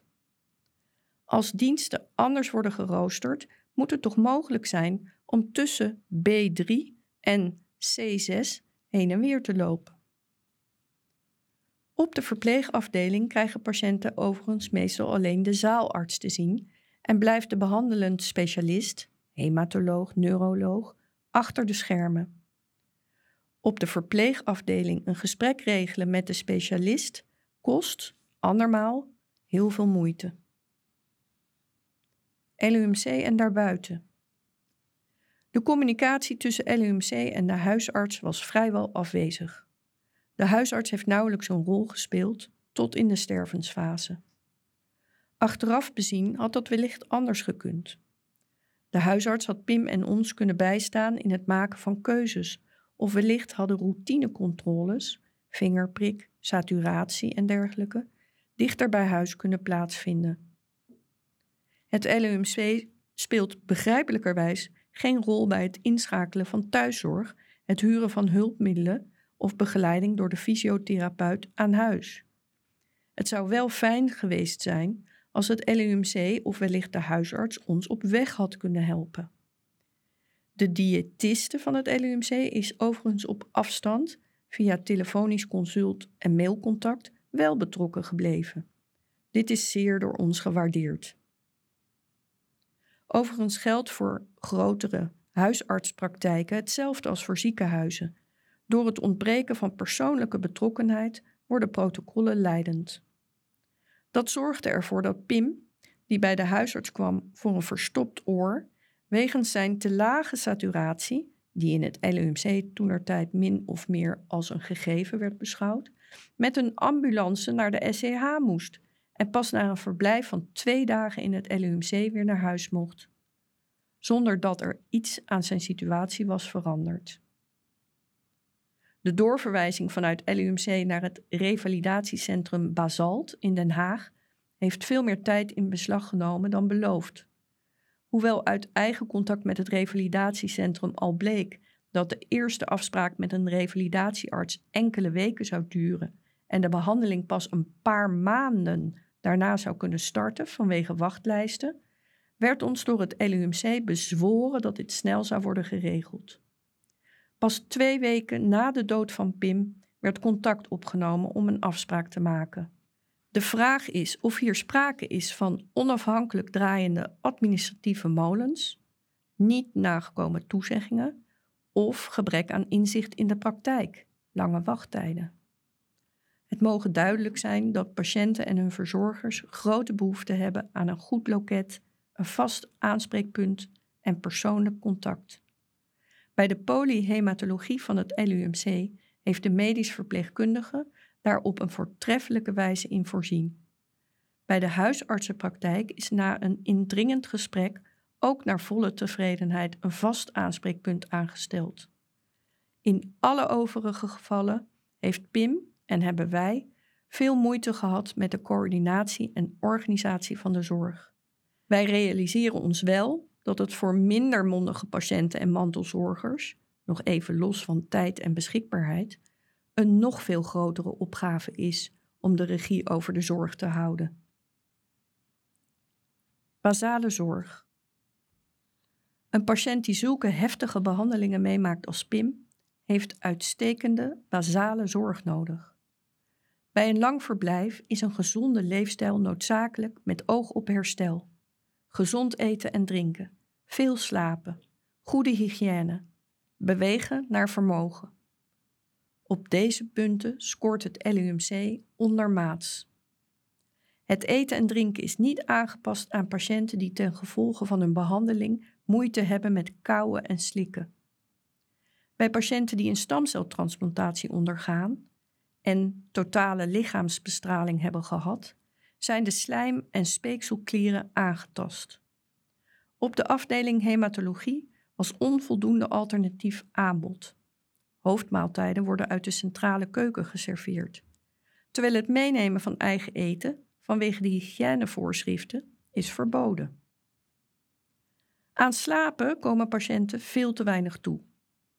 De dag en de nacht zijn ingedeeld naar de diensten van de verpleging en de verzorging, niet naar de behoeften van de patiënten. Infusen maken dag en nacht lawaai. Niet nodig, als de lampen ook al aangaan en de piepers van het personeel gaan. Pim heeft het een heel enkele keer voor elkaar gekregen dat hij wat langer mocht uitslapen of de middag kon rusten. Dat patiënten zo weinig rust krijgen, heeft ons heel erg bevreemd. De noodzaak om stipt om zes of zeven uur ochtends controles uit te voeren ontbreekt meestal. Geen man overboord als dat een keer om negen uur is. Het is zo ontzettend belangrijk patiënten goed te laten slapen. In het geval van Pim was enige aanmoediging nodig om te bewegen. Bij lang verblijf is op ons verzoek de fysiotherapeut langs geweest en die heeft wel iets kunnen bereiken. Dezelfde aanmoediging had Pim nodig voor zijn persoonlijke hygiëne. Maar als hij of wij er niet om vroegen, werd hij niet vanzelf geholpen. Het is verschillende malen voorgekomen dat hij een week niet is gedoucht of gewassen, en ook het verschonen van de bedden gebeurde op geen van de afdelingen standaard iedere dag. Het is een droevige constatering dat onze zoon na een verblijf in het LUMC steeds vies, vermagerd en vooral heel moe huiswaarts keerde. Het LUMC gaat er blijkbaar van uit dat het echte herstel thuis begint. Maar bij opnames van vier weken en langer kan goede basale zorg onzes inziens niet ontbreken. Menselijke maat. Pim was 21 jaar toen hij te horen kreeg dat hij een levensbedreigende ziekte onder de leden had. Zijn en onze wereld stond volledig op zijn kop. We begrijpen dat artsen en verpleegkundigen zich professioneel leren opstellen, maar hebben de houding van veel van het personeel dikwijls als kil en afstandelijk ervaren. Het ontbreekt op veel plekken aan empathie. Het is uitzonderlijk als er wel aansluiting wordt gezocht of contact wordt gemaakt. De verpleegkundige van Medium Care, die nog even kwam kijken toen Pim terug was op hematologie, de verpleegkundige op oncologie, die na haar dienst nog even kwam bijpraten, of de MDL-specialist die Pim op zijn kamer uitleg kwam geven, zijn helaas uitzonderingen. De neuroloog, die in feite heeft geconstateerd dat de situatie van Pim palliatief was, is de laatste dag dat Pim in het LUMC was niet eens langsgekomen, terwijl dit wel was toegezegd. De zakelijke communicatie van de meeste professionals is afgestemd op volwassenen. Anders dan voor kinderen is er voor jongeren geen aparte afdeling. Dit terwijl Pim eigenlijk veel behoefte had aan lotgenotencontact. Ook de sfeer tussen personeel onderling en de strikte hiërarchie die in het LUMC op veel afdelingen heerst, hebben wij niet als prettig ervaren en is ook niet effectief. De verpleegkundigen zijn voor de patiënt het eerste aanspreekpunt. En het is belangrijk dat zij op hun beurt een goede ingang hebben bij de artsen. Wij hebben negatieve ervaringen gehad, bijvoorbeeld bij de pijnbestrijding van PIM op de verpleegafdeling hematologie, waar aanwezige verpleegkundigen wel de acute noodzaak van zwaardere medicatie inzagen, maar de arts op afstand niet. We hebben ook negatieve ervaringen gehad met de hartritmestoornissen van PIM, die een dag lang door de verpleegkundigen zijn genegeerd, terwijl deze door een arts zeker meteen zouden zijn herkend. Het was weekend en de verpleegkundige wilde of durfde de arts er niet te snel bij te halen. Ook studenten zouden gewoon met hun professor kunnen converseren. De wekelijkse bezoeken van de professor met de studenten aan het bed van de patiënt leveren, in ieder geval voor de patiënt, uiterst ongemakkelijke situaties op. Opvallend vonden wij de voortdurende personele wisselingen op de verpleegafdelingen, zaalartsen, verpleegkundigen. Op de verpleegafdeling hematologie, waar Pim in totaal zeker drie maanden heeft gelegen, werd ons verteld dat dit beleid is. De roulatie van personeel zorgt ervoor dat er geen persoonlijke band ontstaat tussen personeel en patiënt. Uit ARBO-overwegingen valt dit misschien te begrijpen, maar vanuit het patiëntperspectief niet. Als er iets is waar de patiënt dringend behoefte aan heeft, dan is het een vertrouwensband met degene die hem, haar in deze zo moeilijke tijden behandelen en verplegen. De oplossing is niet om in die gevallen een bezoek van de maatschappelijk werker te regelen of een gesprek met de psychiater. De oplossing is dat artsen en verpleegkundigen je Pim noemen in plaats van meneer Mellink. Open communiceren, oprechte interesse tonen, laten merken dat ze weten wat er in je omgaat. Je moet inspreken om de dag door te komen en je afleiden met een aardig praatje terwijl je wordt geholpen. Dit helpt patiënten om de voor hen zo vreselijke tijd tijdens de behandelingen door te komen. Wij hopen met onze brief ervaringen te delen die ook voor uw organisatie waardevol kunnen zijn. Tot een nadere toelichting zijn wij uiteraard altijd bereid. Met vriendelijke groet Geert-Jan Mellink en Jet van der Voet, trotse ouders van Pim Mellink. As. Na een crematie krijg je de as niet zomaar mee. Het crematorium moet de as minstens een maand bewaren. Langer kan ook, tot een jaar. Waarom dat zo is, wordt mij niet helemaal duidelijk.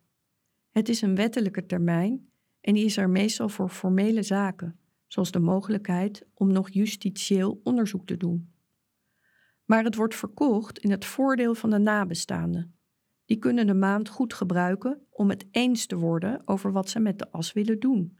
Verstrooien, begraven, thuiszetten en zo ja, bij wie dan? Geert-Jan en ik hebben er uiteindelijk een half jaar voor nodig om het eens te worden. Pim is en blijft het kind van gescheiden ouders. Ik wil graag de urn van Pim bijzetten in het familiegraf van mijn familie in Den Haag. Maar dat is voor Geert-Jan geen familie. Het familiegraf van de Mellings in de achterhoek is voor mij te ver weg, letterlijk en figuurlijk. Pim kent daar niemand, hij is daar niet opgegroeid. Ik blijf bij Den Haag. Pim is een Hagenees ten voeten uit en zo kunnen ook zijn vrienden nog eens langslopen. Ik krijg bijval van Sam en Eva, maar Geert-Jan is nog niet zo ver. Ik bel de Haagse begraafplaats Oud-Eikenduinen begin augustus op over het hoe en wat. Ik krijg te verstaan dat niet ik, maar mijn vader het verzoek moet doen voor het bijzetten van de urn. Hij is op dat moment rechthebbende. Maar mijn vader ligt in bed in de zorginstelling en kan niet meer praten of zijn handtekening zetten. Dat is jammer, al dus de mevrouw die mij te woord staat. Zij kan mij dan helaas niet verder helpen. Geert-Jan en ik willen in ieder geval allebei graag Pims as ophalen. En dat doen we eind augustus. We gaan naar het crematorium waar we Pim op 22 mei hebben gebracht, na afloop van de afscheidsbijeenkomst in het stadion. We worden ontvangen in een klein kamertje. De dame van het crematorium zit aan de ene kant van het bureau en wij aan de andere. Op een kast tegen de muur staan behoorlijk lelijke snuisterijen waarin je de as kunt laten verwerken. Ze maakt er gelukkig geen reclame voor. Ze neemt ons formulier in en loopt naar achteren om Pim's urn te zoeken. Als ze terugkomt, kijkt ze bedrukt. Zo kijken alle mensen als ze begrijpen dat het om onze zoon gaat. Ze doet de urn in een kartonnen doos. Ik zit even later in de auto met de doos op schoot. Hij is zwaar.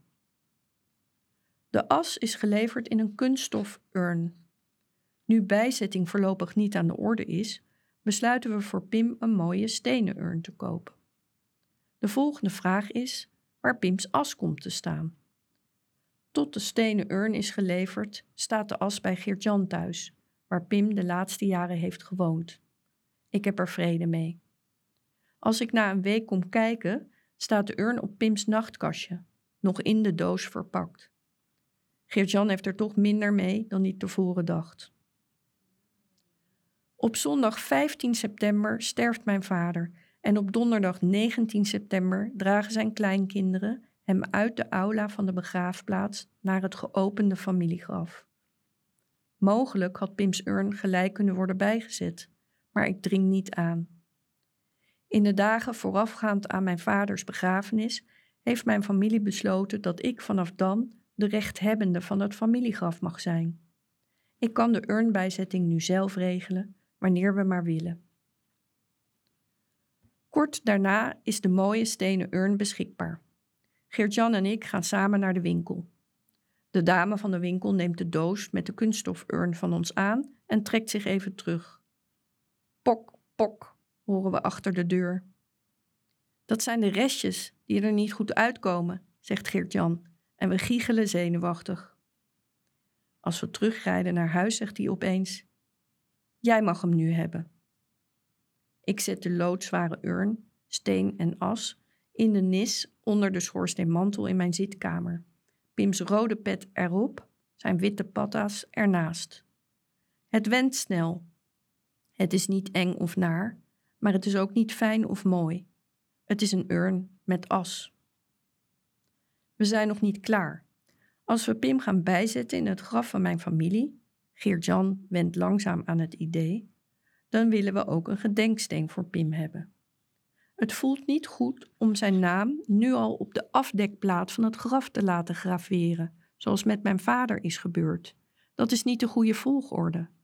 Bij mijn vader hoort mijn moeder. Daarna komt de generatie van mijn zussenbroer en mijzelf. Als ik ga, mag na mij ook Pim's naam worden ingegraveerd. Maar voorlopig krijgt hij een eigen steentje dat los op de plaat kan worden gezet. In november loop ik de winkel binnen waar we eerder de urn hebben besteld. Het ontwerp voor de gedenksteen, natuurlijk met Superbro en Pim's motto, heb ik bij me. Ik hoef alleen de steen nog uit te zoeken. En opeens overvalt het me. Ik sta een beetje stoer te doen over as en urnen en gedenkstenen. Maar het is toch eigenlijk niet normaal? Ben ik dit? Is het mijn zoon waarover het gaat? Waar ben ik in terecht gekomen? Wat een verschrikkelijk slechte film is dit. Wie heeft dit bedacht? Wat een totale ramp. Ik cirkel boven mezelf en zie twee vrouwen in de winkel. Ik hoor de ene vrouw zeggen dat ze een steen komt uitzoeken voor haar zoon. De andere vrouw schrikt en zegt: Ik dacht dat u een steen kwam uitzoeken voor uw vader. Met een schok val ik terug in mezelf. Ik begin te huilen en ik kan niet meer stoppen. Troost. Na Pims overlijden hebben we veel steun van familie en vrienden. Ook ervaren we troost uit de vele blijken van medeleven van collega's, buren en kennissen. Mijn huis lijkt op een zeker moment wel een bloemenkiosk. Pim is niet zo gesteld op bloemen, maar ik wel. Er vallen tientallen kaartjes op de deurmat en het regent berichten per mail en WhatsApp. Een aantal vrienden durft gelukkig meteen over de vloer te komen, met een tas boodschappen, een afhaalmaaltijd of een fles wijn. Het sleurt ons door de eerste verschrikkelijke tijd zonder Pim. We krijgen heel verschillende reacties op het overlijden van Pim. Sommige empathisch en passend, andere plichtmatig of onhandig. Maar wat zeg je dan ook tegen ouders die hun zoon kwijt zijn, of tegen de zus of broer van een jonge gozer? Ik had het ook niet geweten. Zeker voor Sam en Eva is het moeilijk om hun verdriet te delen. Vrijwel niemand in hun jonge omgeving heeft zoiets ingrijpends meegemaakt. Ik wil niet dat ze ophouden met lachen als ik eraan kom, zegt Eva. Dus heeft ze het er met vrienden en vriendinnen vooral niet over.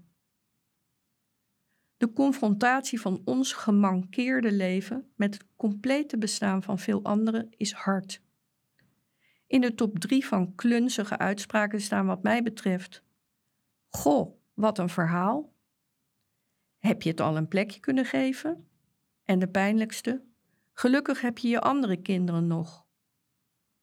Nee, voor ons is het geen verhaal, maar de harde werkelijkheid. Nee, dit gaat nooit een plekje krijgen. We blijven Pim altijd missen. De pijn zal altijd blijven. Het gemis is als een handicap waarmee we moeten leren leven. En ja, gelukkig heb ik mijn andere kinderen nog. Maar dat maakt het verdriet om dat ene kind er niet minder om.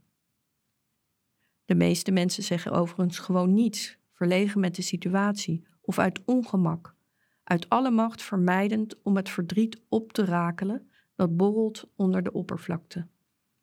Uit de top drie van rake uitspraken haal ik: je telt eerst de dagen, dan de weken, maanden en jaren. Zo is het precies. De tijd laat zich uitdrukken als de afstand tot Pim. Dat de afstand groter wordt, ervaar ik overigens als zeer pijnlijk. Troostend zijn voor mij ook de woorden die het dichtst bij onze eigen gemoedstoestand liggen. Onbegrijpelijk, vreselijk, dit mag niet, nachtmerrie, niet te bevatten of gewoon kutzooi. Het derde type berichten dat ons troost geeft, gaat over hoe stoer Pim is geweest en hoe goed hij en ook wij het hebben gedaan. Eén bericht heb ik totaal niet zien aankomen. Op 24 mei valt een dikke enveloppe in de bus. Op de envelop staat alleen Jet van der Voet, zonder adres of postzegel. De envelop is dus persoonlijk afgeleverd. Als ik de envelop open doe, weet ik niet wat ik zie. Er zit een aanzienlijke stapel biljetten in met een ongelooflijk lief anoniem briefje. Deze brief biedt geen troost. Troost kunnen we je in de toekomst misschien bieden met ons medeleven en onze liefde.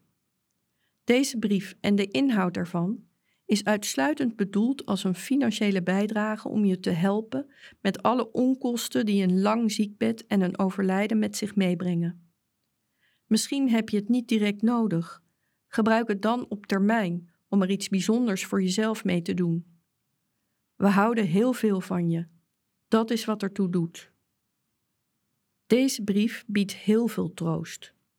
Troost dat er mensen zijn die zich om mij en ons bekommeren in deze barre tijden, die iets willen doen voor ons, wetend dat ze de pijn niet kunnen verlichten, maar de omstandigheden misschien wel. We hebben buiten deze steun gerekend en besluiten nog dezelfde week om van het geld vier vliegtickets te kopen. In het najaar van 2019 gaan we naar New York. Geert-Jan, Sam, Eva en ik maken de reis die ik Pim in het voorjaar van 2018 had beloofd, als hij weer beter zou zijn. Familiegraf. En dan is het zover. Het is zaterdag 4 januari 2020 en Geert-Jan, Sam, Eva en ik gaan Pim bijzetten in het familiegraf op Oud-Eik en Duinen. We houden het klein, zonder dienst of rituelen, zonder familie of vrienden. We hebben de urn en de gedenksteen bij ons. Na de dood van mijn vader ben ik rechthebbende van het familiegraf. Ik heb een formulier ingediend en vlak voor kerst een afspraak gemaakt. Om zeker te weten dat de afspraak goed is doorgekomen rond de feestdagen, heb ik een bevestiging gevraagd en gekregen. We zijn er op het afgesproken tijdstip, rond 11 uur. We moeten ons melden bij het kantoor aan de ingang. Maar het kantoor is dicht en er doet niemand open. Het zal toch niet. We kloppen op de deur, lopen rond het gebouw, turen door de ruiten. Ik ga even kijken bij de grote aula, zeg ik. Ook daar heerst een serene rust. Ik baal. We kunnen niemand telefonisch bereiken. Het klantcontact loopt via een grote verzekeraar die deze mooie oude begraafplaats heeft overgenomen. En de verzekeraar is niet bereikbaar op zaterdagochtend. Zal ik Pim maar weer in de auto zetten? zegt Sam, die met de zware urn sjouwt. Wacht nog even, zeg ik. Ik zie iets van leven bij de kleine aula, die aan het eind van het laantje ligt. Er zijn mensen bezig een begrafenisdienst voor te bereiden. Ik spreek een van de keurige pinguïns aan die de dienst begeleiden. Hij schrikt. Hij weet van geen urnbijzetting, alleen van deze begrafenis. Maar hij komt direct in actie en belt een collega. We hangen bij de ingang van de begraafplaats met de urn en het steentje, terwijl de bezoekers voor de begrafenisdienst in de kleine aula langslopen en ons nieuwsgierig bekijken. Binnen een kwartier arriveert de beloofde collega, die zich voorstelt als Erasmus en zich uitput in excuses. In het kantoortje vindt hij het formulier. Ah, een kelder, zegt hij, als hij het nummer van het familiegraf ziet. Over Pim zegt hij niets. Erasmus heeft geen pinguïnpak aan, maar een lange, donkere herenjas. Een overrol was handiger geweest. Aan de achterkant van de aula pakt hij een paar benodigdheden: stalen buizen, houten latten, een schep, een koevoet, een krik. Alles gaat mee in een bak achter een kleine tractor. Normaal gesproken zou het graf al zijn geopend, maar nu gaan we de hele operatie meemaken. Op het familiegraf, op de grens van het oude en iets nieuwere gedeelte van de begraafplaats, ligt een dikke plaat van Belgisch hardsteen. Erasmus maakt de randen om de plaat heen met de schep vrij van zand en onkruid. Dan zet hij voorzichtig de koevoet aan de voet van de plaat en krikt deze een paar centimeter omhoog. Snel schuift hij er een van de latten onder. Nu heeft hij iets meer speling en kan hij de krik gebruiken tot er zoveel ruimte is dat er een stalen buis onder de plaat kan worden gerold en daarna nog één. Op twee buizen rolt hij de plaat gedeeltelijk van het graf af, het pad op. Er is nu een opening aan het hoofd van de plaat. Erasmus kijkt naar beneden en concludeert dat hij een ladder nodig heeft. We overhandigen de urn aan Erasmus als hij beneden in de kelder staat. Zal ik uw zoon maar dicht bij uw vader zetten? vraagt hij aan mij. De vraag verrast me en er springen spontaan tranen in mijn ogen. Hij heeft het formulier in die ene tel toch goed bekeken. Graag, antwoord ik. Geert-Jan, Sam, Eva en ik kijken toe hoe hij de urn op de grond zet, naast de inmiddels zwart uitgeslagen mand waarin mijn vader ligt. Wilt u nog afscheid nemen? Vraagt Erasmus beleefd als hij weer naar boven is gekomen. We staren gevieren de kelder in en hebben geen idee. Zonder sprookjes, wierook, gebeden, gezang is het een kale bedoeling. Moeten we nu gedag zeggen? Nee hoor, zeg ik dan. Als Erasmus de plaat heeft teruggerold en het graf heeft gesloten, legt Eva Pims gedenksteen op de voet van de plaat. Ik had tevoren de vrees dat de steen zou detoneren met de plechtige Belgische plaat, maar het valt mee. Superbro staat er goed op. Pim heeft voortaan een plek die door ons en door iedereen kan worden bezocht en waar iedereen aan hem kan denken. Ik haal diep adem. Pim heeft een laatste rustplaats.